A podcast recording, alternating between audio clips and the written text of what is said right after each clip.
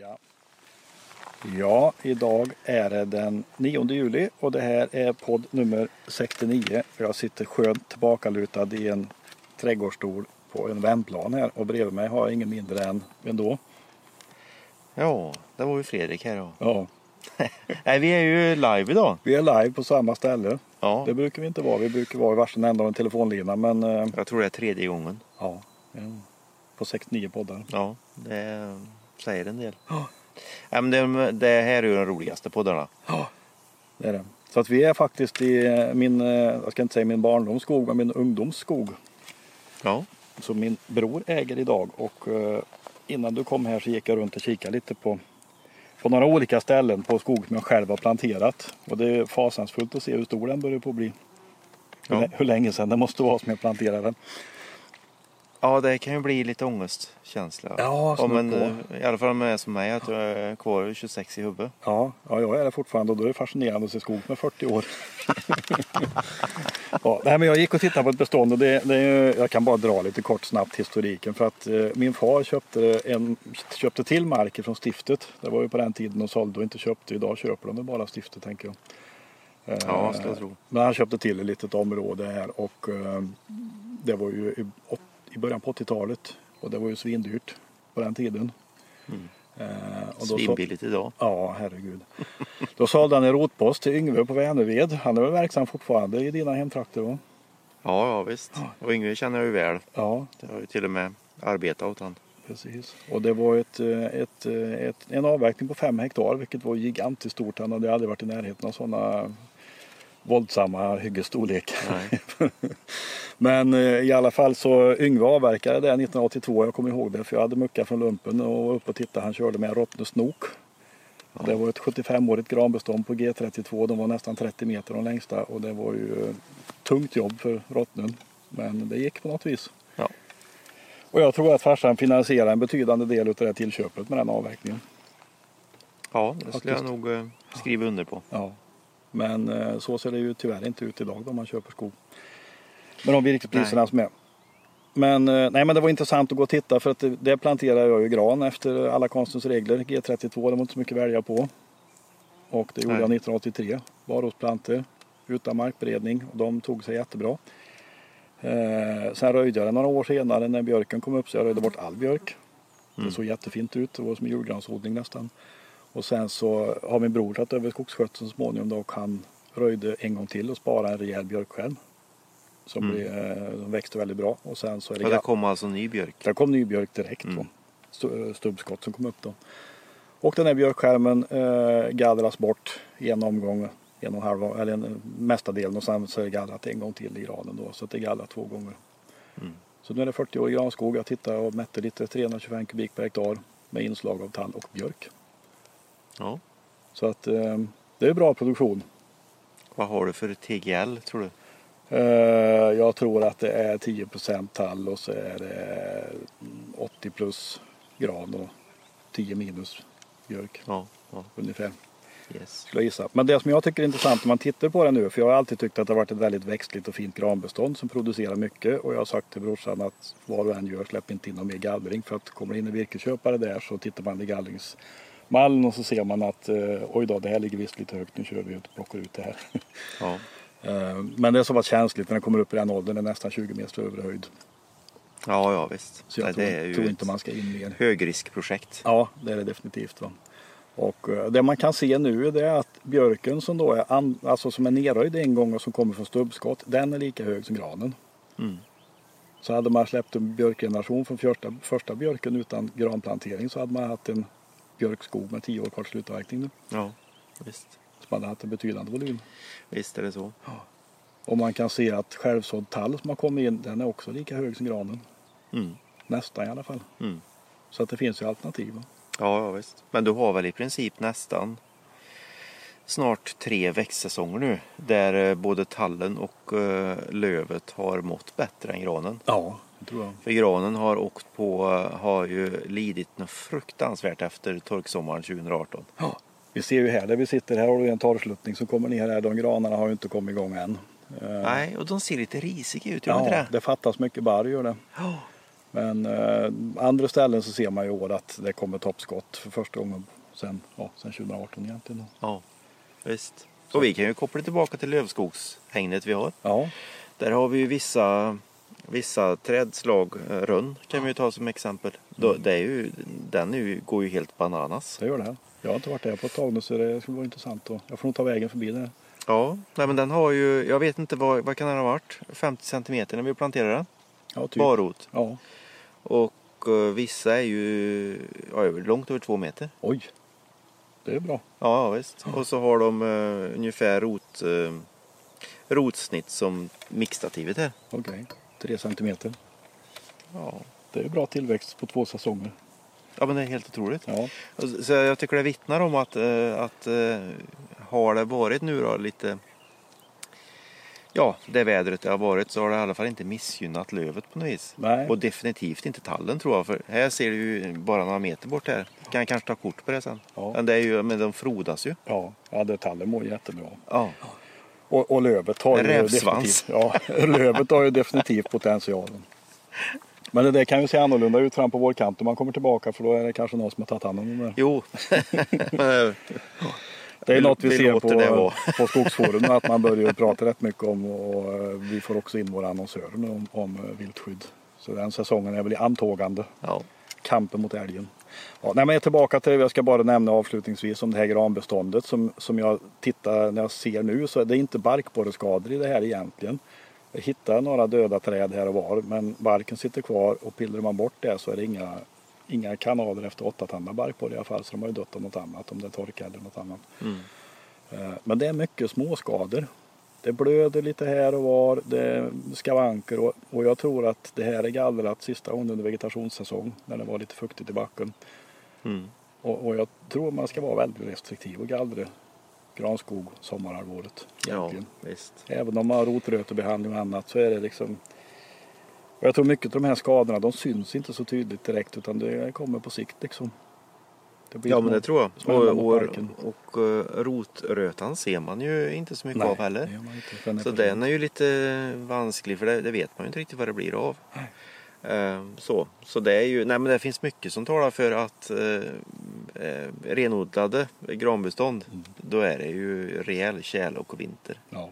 ja, jag tror det. Om den Som nu är tjäl och vinter, men i alla fall att det inte är sommarhalvår och växtsäsong. Ja, visst, visst.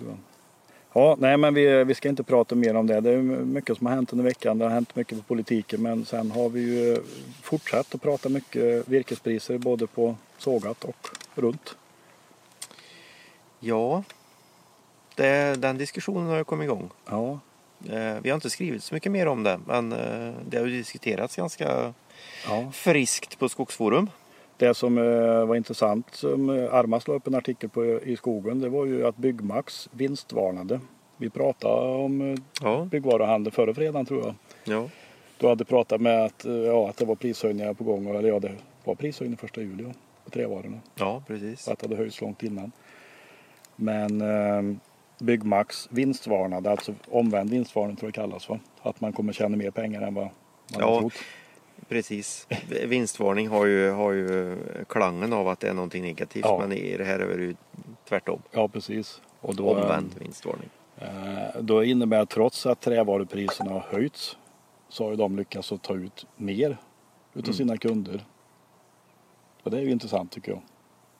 Ja, ja, ja men det är jätteintressant. Och det är ju, det är, men det, det var ju lite som de jag har pratat med också. Ja. De sa ju att, att proffsen har ju koll på priserna. Mm. Men den, den stora massan foppatofflor som de sa, som Mm. kommer liksom och ska bygga sin altan eller vad det nu är.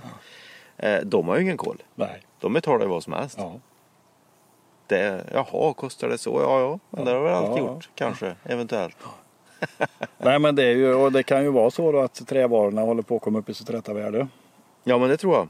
Att eh, man ska inte se det liksom som, för det är ju mycket, mm, ja, det skrivs en del artiklar om att eh, trävarorna håller på liksom att ta död på allt möjligt, möbelindustri och snickeriindustri och byggverksamhet. Men eh, Nej, men det tror vi inte på. nej, vi tror inte på det. Vi la upp en liten eh, graf i någon av trådarna, vi kanske kan länka till den. Eh, som visar, nu kommer den för skogsindustrierna i och för sig så man får väl ta det som en in- inlaga därifrån. Men någon form av offentlig statistik över priser på byggmaterial. Ja. Där de har satt ett index. Det startade 1990. Mm. Och sedan 1990 så har betong haft en eh, skapligt uppåtlutande kurva. Ganska jämn. Mm. Ända fram till nu. Det har stigit och stigit och stigit och stigit pris. Det har följt konsumentprisindex eller kanske till och med Ja. lite över. Och det i samma riktning fast det har gått lite mer upp och ner. Mm. Och trä har legat helt vågrätt och inte höjts någonting. Förrän nu. Ja, precis. Men trots, trots de här superhöjningarna som har varit i år då, så ligger trävaruprisindex fortfarande under stål och betong Ja, ja jämfört med 1990. Och det där är ganska intressant. Det, eller ja, det, är- det är mycket intressant. För det kan man ju ställa sig frågan direkt. Varför har inte skogsindustrin eller branschen klarat att få upp priserna Ja, förrän nu? nej. Men det är väl så att... Det är eh, anmärkningsvärt tycker jag. Ja, och det är väl eh, att det är en sån tydlig råvarumarknad, bulkmarknad, tillgång och efterfrågemarknad. Commodity-marknad säger man på engelska. Ja. Att det är ju, Ja, och det är väl där man kan göra ändringar när man kommer in på andra typer Men, av eh, produkter då kanske när man närmar sig bygge eller användarledet. Typ KL3 och annat. ja. Det ligger nog lite i det. Ja. Eh, säkert. Nej men, det- nej men det är ju jättespännande. Eh, det som, och återigen, nu kommer vi in på det igen, men det vore ju otroligt tråkigt om inte virkespriset skulle följa med, eller alltså rundvirkespriset skulle följa med ja. upp nu. Ja. Eh, Det måste ju upp nu. Annars så eh, kan ju skogsägarna hälsa hem. ja, ja, visst. långsiktigt. Och kanske skogsindustrin också för att man tappar incitament för att avverka skog så småningom. Ja, fin- risken finns ju. Ja, Eh, definitivt. Ska vi förklara vad vi menar med det? ja det kan ju göra det. Eh, och det är ju så om, eh, för Skogforsk har vi visat någonstans att lönsamheten sjunker i skogsbruket. Alltså kostnaderna ökar lite hela tiden Mm. och virkesintäkterna har legat plant. Ja. Och då sjunker varje år som går så sjunker lönsamheten lite grann. Mm. Och då räknar de med alla kostnader. De räknar med vägbyggen och föryngringskostnader och röjning och skogsvård och sådär. Ja. sånt som behöver göras för att bruka en skog. Och eh, det där kryper ju neråt. Och, och någonstans om den fortsätter den kurvan så är ju lönsamheten noll Ja, på sälja visst. virke. Det ligger ju, någon, eh, jag tror det sista mätningen var runt 170 kronor Ja. kubiken i netto. Ja. Och det, är, det kan man ju snabbt göra ett överslag själv på Ja. och se hur stor skogs, eh, eh, mark, hur mycket skogsmark man har kontra hur mycket man kan avverka. Och så ser man ju ganska snabbt att, ja. att du måste nog upp i, i, eh, i riktigt stora nivåer för att överhuvudtaget få kunna få en, ta ut lön på det. Mm. Ja, Det räcker inte till att betala räntor och amorteringar på skogsinnehav Nej, nej. som det ser ut idag. Då. Och det här gör ju att eh, alla andra tänkbara former av alternativ inkomst som skogen blir ju allt mer intressant. Ja, det måste det ju bli. Ja. För antingen så, alltså om inte du får betalt för att sälja virket då, är ju inte, då, då kan ju skogen stå. Då får du göra något annat, arrendera ut jakt eller Ja. vad som. Men eh, sen kommer ju, och vi har pratat mycket om det här med kolsänke, kolsänke-ekonomin, om vi kallar det för det. Den som inte tror att den kommer kan ju komma tillbaka om några år får vi se vad som har hänt. Ja, givet. Ja. Det, det är ju bara så. Eh, Så där sitter ju skogsägarna på en eh, formidabel guldgruva tror jag. Ja. Och ehm, det här möjligheten att få upp priset det är ju just det att uh, håll igen. Sälj inte virket till för lågt pris. För om tillräckligt många gör det så kommer priset att gå upp. Eftersom vi har en tillgång och efterfrågemarknad. Mm. Just nu kommer det ut för mycket virke så att företagen som behöver timmer de behöver inte höja priset. Nej, Det är väldigt enkelt. nej visst. Nej, och sen så är det ju så, det är ju, vi har ju tjatat om det här väldigt, väldigt mycket men trycker vidare på det. Jag tycker det var ganska intressant. Jag tror vi kan ha nämnt det i podden någon gång tidigare men eh, nu är det ju faktiskt så att det är medlemmar som har sagt att eh, de har börjat idka det här att de ska ha tusen kronor. Och det som är intressant det är ju att eh, det var ju en kille som skrev på forumet att det kom ut en, en virkesköpare till honom Ja. som han aldrig hade träffat förut. Ja, Bara det är ju liksom en stark varningssignal. det är ju ett tecken. Ja, det är ett tecken gott som något. Men då hade ju han sagt att ja visst, jag kan sälja för tusen kronor. Ja, Eh, skulle några fler göra det Ja. så är det ju snart tusen ja kronor. men vi är snart där om det skulle vara så. Eh, Men problemet är ju att det får det inte bli eh, det vanliga. Nej. Att, eh, att man går på de här eh, vad ska man säga, flosklerna med att eh, du måste ta det här nu för annars är det Ja. barkborre och Ja. du, du kommer få 621 kronor och du kommer aldrig få bättre Nej, precis. Och nu, nu pratar man också om att, ja men titta i Nordamerika, nu har ju priset rasat på trävaror som man har pratat så mycket om i Nordamerika. Ja, Och, och det har rasat ner till dubbelt så mycket som det var innan priserna började gå upp. Ja. Det kan man ju ha i åtanke då. Eh, exakt. Och i Europa så är ju marknaden stark. Så, så där, va. Och sen är det ju faktiskt så, det var någon som skrev det i någon tråd, det, det kan ju också vara rätt bra att tänka på att ja, men, om du inte säljer skogen nu så har du inte förlorat något för skogen finns ju kvar. Det värsta ja. som händer är att den växer ett år till. Om inte det skulle vara så att det är barkborrar. Nej, det är ju den stora fördelen med skogen. Ja. Det är väl lite som att eh, om du tar de här spannmålsbönderna, de Mm. som börjar investera mer och mer i silos nu. Mm. Det är väl lite som eh, att idka Ja, skogsbruk. men det är lite, då kan de jobba med terminshandel och sälja Ja, när, när priset är som bäst. Då. Absolut. Så. Förutsatt att de får in skörden när den är färdig. så Ja. tänk på de silosarna Ja, när ni ska förhandla. Det kan Precis. vara värt. Men du, Okej. ett helt annat eh, ämne nu när vi eh, befinner oss i prisdiket. Där. Jag är ju söder om det i vanliga fall. Men, men eh, eh, jag roade mig med att sammanställa skotarstatistik igår över andra kvartalet. Vi brukar ju göra sådana sammanställningar hur mycket skotare som registreras i Sverige. För de uppgifterna finns att få tag i officiellt. Eh, och så gör vi sammanställningar över det. Och, eh, det händer ju inte jättemycket när det gäller marknadsandelar och sådär. En ganska stabil eh, fördelning mellan företagen på ett sätt. Eh, det har varit en bra, ett bra halvår har det varit. Det har registrerats lika många skotare i år som det gjordes i fjol första halvåret och då var det ett kanonår i fjol. Mm. Var det. Då var det i och för sig lite mer registreringar på andra halvåret i fjol än vad det var första så vi får se om det håller i sig. Men det som sticker ut i det här materialet man tittar det är faktiskt eh, att det dippar i Svealand. För jag Ja. brukar titta på fördelningen mellan landsändar, hur många skotrar som har registrerats i Götaland, i Svealand och i Norrland. Och det har legat väldigt stadigt. Där slår någon procent upp och någon procent ner. Och nu helt plötsligt så har Svealand gått ifrån mellan typ 30-34 procent till 23 procent på ett enskilt kvartal. Mm. Och jag kopplar det direkt till den diskussion som var i vårvintras här som du skrev om. Där entreprenörerna fick mycket tuffare villkor ifrån eh, framförallt Stora Enso och gick ut och jag tror att det är fler som har hängt på. Ja, ja. men så är det ju. Ja. Eh, nej, men det var, det var ett hårt slag. Ja, och det syns. Och, och det, är, det är ju också så att jag menar skotarna som levereras nu, de är ju inte köpta i februari. De är ju kanske köpta i fjol. Mm. Så att det här är ju annullerade ordrar som syns. Troligtvis. Det är ju Ja. inte nyteckningar som, för de kommer man att se sen vad som fattas då. Mm. Utan, så att här har, ju, eh, har det ju varit så att eh, Götaland och Norrland har kompenserat för de minskade maskinregistreringar i Svealand. Men just att det syns ganska tydligt och det innebär att man, man minskar ju teoretiskt sett i alla fall, eller på, på kort sikt så minskar man ju avverkningskapaciteten genom att man inte byter ut äldre maskiner i Ja. ett område. Visst är det så. Eh, Man får en sämre rustad entreprenörskår.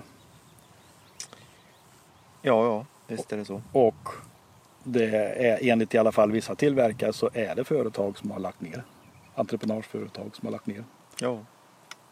Nej, men det är, väl, det är väl en gyllene tid att lägga ner. Ja. Om man märker att det inte går runt. Ja. För det är ju, du kan ju sätta det i en eh, grävmaskin eh, dag två Ja. eller dag ett. Du har lagt ner. Och få sömn på nätterna. Och, Ja, ja men i det här läget alltså. För jag menar nu är det ju, de skriker ju efter i princip allt.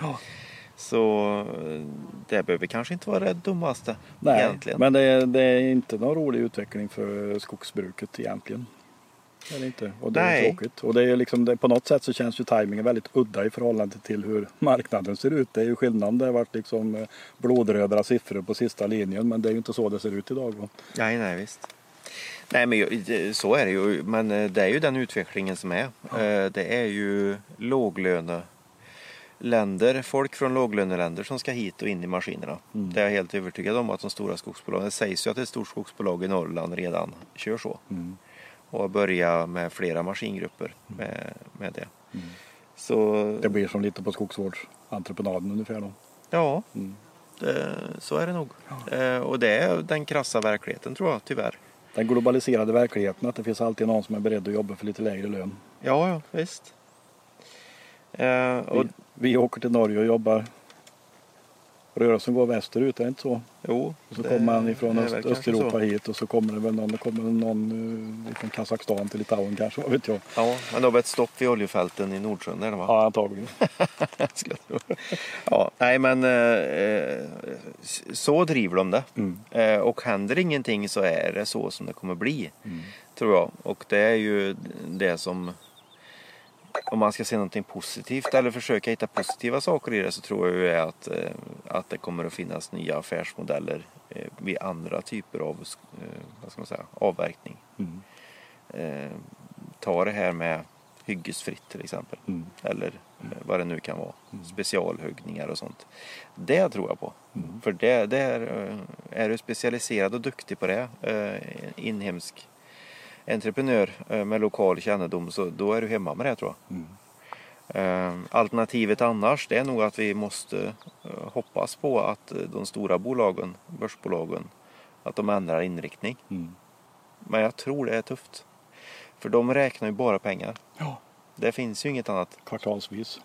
Ja, ja, nej, men de ska, ju, de ska ju tillfredsställa aktieägarna. Ja. Så, så enkelt är det ju. Ja. Och jaga kostnader. Så det är... Mm, Men det innebär ju att det här eh, att skogsbruket skapar så mycket jobb på landsbygden, det kan man ju snart steka då. ja, men det kan man ha stekt i 20 år va? Ja, det kan vara så. I förhållande till annat. Om man ska vara krass. Ja, jag har ingen koll på klockan, det brukar jag ha när jag sitter själv och poddar, men nu får du ha det Fredrik. Ja, ja, det är lugnt. Ja, Jag har kollen. ja. Jag blir varmt. ja jag gjorde det. Det är skönt.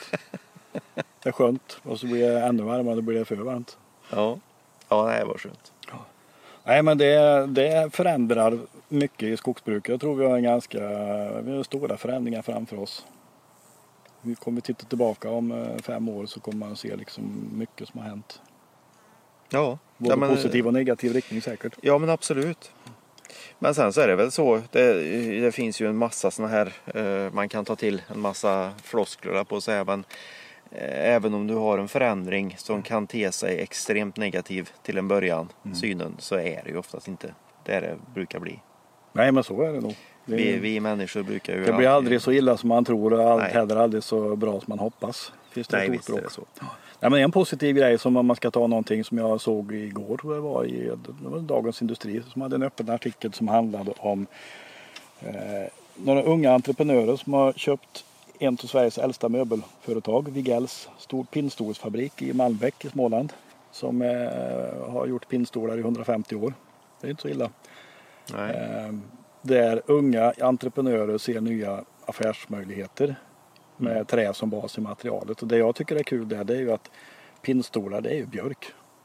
Ja, visst. För björken har ju varit lite sådär. Jag menar, trä har varit stor efterfrågan på ek. Sågverken har gått bra men björk, mm, inte så lätt. Hård konkurrens från Ryssland och, och liten efterfrågan Ja. modemässigt då. Men här, jag tror att det är mycket det är sånt här som behövs. Alltså andra nya yngre personer som kommer in med nya ögon och annan kunskap, andra, andra referenser lite grann och, och, och, och kanske en annan syn på marknad. Jag tror de har möjlighet att göra det jättemycket bra.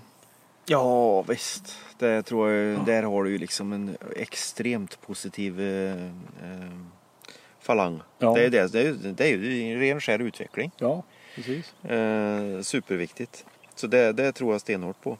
Och där har du väl lite att eh, förhoppningen så kommer det ju in yngre skogsägare Ja, som börjar tänka lite i andra det- banor. som ser ehm. lite på och ser andra möjligheter med sitt skogsägande också än bara, Ja, bara vanlig skogsproduktion. Ja, och det, jag tror att det, det blir lite så här att eh, det är gärna att man, eh, man har lite agg emot och sådär. Men jag vill ändå trycka på det. Jag menar, vi, vi har lånat ett sågverk från Mm. Skogma som vi håller på och Mm. färdigställer eh, testet på nu. Ja. Eh, där var ju jag och hämtade några stockar ur en eh, biobränslehög. Ja, som skulle gå i bränslehuggen. Ja, Ett stort överskottssortiment idag. ja visst. Och man blir ju nästan religiös när man sågar det. Okej. Ja men det är ju så fint så ja, Ja. det är så otroligt fint alltså. ja. Men vad är det för träslag? Och det är lite löv och sånt där som är huggt i någon... Ja, ja, det var ju bara löv. Det var ju... mm, Det var faktiskt, de bygger en... eh, eh, nu ska vi se vad det var. En ny elstamledning till den här eh, laxfabriken de ska bygga i Säffle. Ja, okej. Eh, och det går ju genom ett sånt här naturområde i, som kommunen har. Mm. Och det var ju löv dominerat. Och så det var ju ask och alm och, och eh, ek. Mm. Lönn. Al. Ja. Eh, så det, mm, ja, spännande. Det är mycket, mycket som man kan ta tillvara på bättre utav det som växer. Ja, och jag, jag tror det är viktigt att, att man lyfter fram det där för eh, jag tror inte det är bra för någon som det är i, i nuläget. Nej, För pratar man med de som kör flishugg till exempel eh, så säger ju de, då spyr de ju åt ek för det går ju så tungt. Mm. Eh, pratar du med värmeverken så tycker de också att det är jobbigt. Mm. För det är sånt annat värmevärde i det. Mm. Så då måste de mixa och ligga och dola med allt möjligt vis för att det inte ska liksom... inte pannorna smälter. Ja, för att det inte smälter i princip. Så det är alla fel. Ja. Ja, Eh, det- så så jag, jag vet att många tycker att det, är, att det är lite flummigt att prata om sånt där och att vi har någon på Skogsforum som håller fram det med näbbar och klor Mm. och får en massa agg tillbaka. Men eh, man kan se förbi sånt och titta på, Försök att se möjligheterna lite grann. ja jag tycker det. det För går man tillbaka, för det pratas ju ofta om att vi är väldigt många skogsägare i Sverige. Vi är 300 000 skogsägare. ja, vi är för få. Ja, men vi, att, vi, att det skapar en diversitet. Men det är också så att väldigt många skogsägare driver ju inte sitt skogsbruk själva efter eget huvud fullt ut. Utan de driver ju sitt skogsbruk med hjälp av rådgivare, inom citationstecken, Ja, virkesköpare. Så det gör att det blir ändå ganska likartat det mesta. ja, Om inte man är väldigt engagerad och intresserad och, och verkligen ja eh, driver det som man vill. Då. Nej, men jag tror det, du har ju ett väldigt fint ord för det där konsolidering. Ja. Och det är egentligen bara av ondo om du frågar mig tror jag. ja, oftast är det ju så. Ja, och det har ju skett en konsolidering även hos skogsägarna. Antalet skogsägare sjunker ju varje år. Mm. Eh, De som finns kvar äger ju mer mark. Mm. Och det tror jag inte är så jättebra egentligen. Nej. Alltså det är bra för den som är högst upp i pyramiden, den konsolideringen. Ja, ja, Och jo, oavsett om det visst. är bolag eller skogsägare så för den som lyckas och, och skaffa sig mer produktionsunderlag så är det ju oftast bra. Men, Ja. men det kanske inte är bra för marknaden i stort. Nej, det, det tror jag inte. Men Alltså- någonting som var intressant, som är, det har vi faktiskt inte tagit upp någonting med. Jag funderar i de banorna. Vad, vad skulle hända om man gjorde en, en business av det som skogsägare? Att man köpte på sig, som man kanske gör normalt sett. Eh, laddar järnet och får 180 hektar. Eh, sen så det, kan man stycka av tomter eh, nära något strandskydd. Nära mot strandskydd. Ja. ja, typ. Beroende på vart, hur långt från. Ja. Mm. Ja. Men vad, vad tror ni om en framtid i att stycka av små skogsplättar? Ja. För det måste, köparna finns ju. ja, visst. Herre min gud alltså. Det kanske krävs politiska beslut för att eh, tillåta avstyckning av mindre. Det blir som en koloniträdgård. Du köper en skogsplätt på två hektar eller någonting och så är du där och odlar och grejar lite för eget bruk. Ja. Ja, kanske det. Det var ni gratis eh, tips.